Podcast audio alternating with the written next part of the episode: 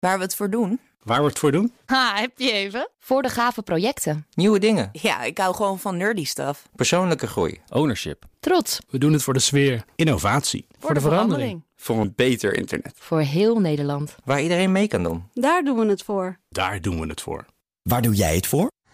Kom werken voor KPN en groei op jouw manier. Check de actuele vacatures op het gebied van data, security, development en networking op jobs.kpn.com/tech. Wetenschap vandaag. Hoe kan kennis vanuit de genetica zorgen voor een betere behandeling van mensen met ernstige psychosen? Daar gaan we het over hebben met wetenschapsredacteur Carlijn Meinders. Want Carlijn, er is net een groot onderzoek afgerond. Heb ik begrepen? Ja, dat klopt. Uh, hier is uh, ongeveer twintig jaar naar gekeken. Wow. Uh, Jurjen Luiks, hij ziet als psychiater patiënten bij GGNet en werkt als onderzoeker bij het Maastricht UMC en ook het UMC Utrecht. Is binnen dit onderzoek vooral op zoek gegaan naar een manier om medicijnen die worden gegeven aan patiënten met psychose beter te kunnen inzetten. Daarvoor hebben ze, en dat kostte dus flink wat tijd, onder andere een specifieke groep patiënten verzameld patiënten die eigenlijk een soort laatste redmiddel krijgen voorgeschreven. Dat is een medicijn dat heet clozapine. En we waren eigenlijk geïnteresseerd om te kijken van mensen die clozapine gebruiken, hebben die nou een soort van andere genetica dan andere mensen die misschien iets minder hevige klachten hebben, die misschien iets sneller behandeld waren met een ander antipsychoticum. Met als uiteindelijke doel kijken, kunnen we in de toekomst met genetica deels voorspellen deze behandeling of dit medicijn past het best bij dit genetisch profiel. En is dit laatste redmiddel dan misschien niet nodig of op een ander moment in de behandeling nodig? Uh, en dit is hoe hij het een beetje voor zich ziet in de klinische praktijk. Nou, we kunnen bij jou bijvoorbeeld wat wangslijmvlies afnemen. Daar kunnen we heel makkelijk je DNA-profiel uit bepalen. En dat kunnen we gebruiken om voor jou te zeggen van, nou, misschien is die behandeling geeft net iets meer kans van slagen dan die andere behandeling. En ik ga echt niet pretenderen dat we uh, in een paar jaar op basis van een genetisch profiel met 100% zekerheid kunnen voorspellen dat iemand goed reageert of niet. Maar misschien wel dat het ons kan helpen om te voorspellen van nou, uh, hè, misschien dat we er goed aan doen om gezien risico op bijwerkingen van jou dit middel niet te geven en gezien goede kans van herstel op een ander middel misschien dat andere middel te geven. En hebben ze dan ook de medicijnen met elkaar vergeleken?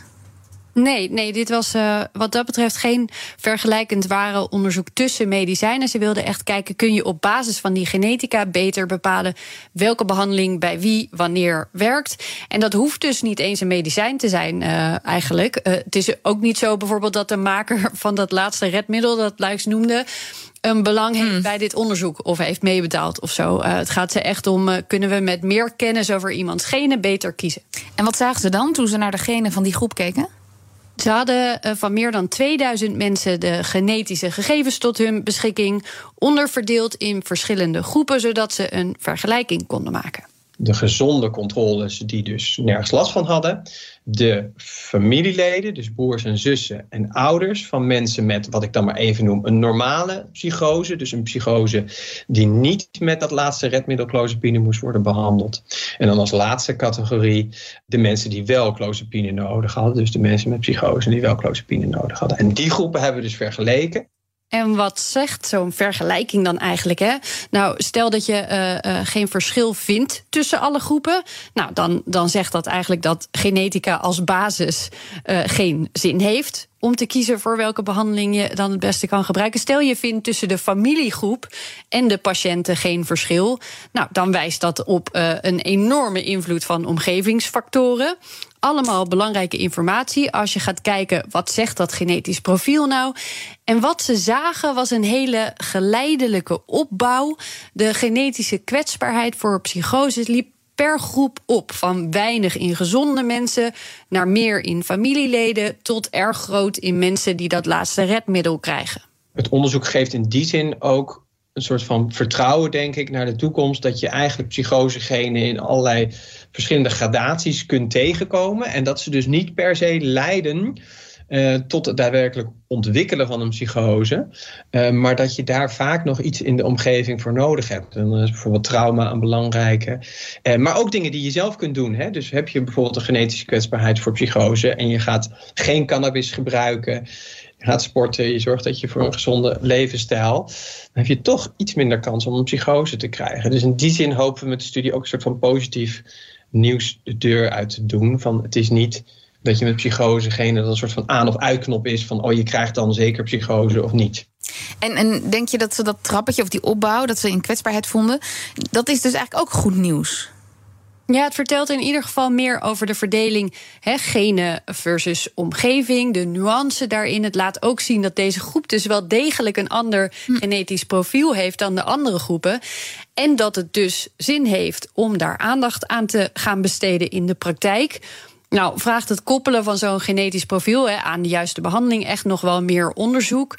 Uh, maar Luik ziet het wel als een stap in de goede richting. En uiteindelijk moet je dit denk ik ook zien als een toevoeging hè, in de praktijk. Want genetica moet natuurlijk niet de expertise van de arts en het praten met patiënten gaan vervangen. Dat blijft ook allemaal onderdeel ervan. Maar hopelijk kan het dus wel zorgen voor een betere behandeling met minder of beter toegepaste medicatie. En dat is sowieso heel welkom, denk ik. Dankjewel, Carlijn Meinders. Wetenschap vandaag is mede mogelijk gemaakt door Brightlands. Knowledge Crossing Borders.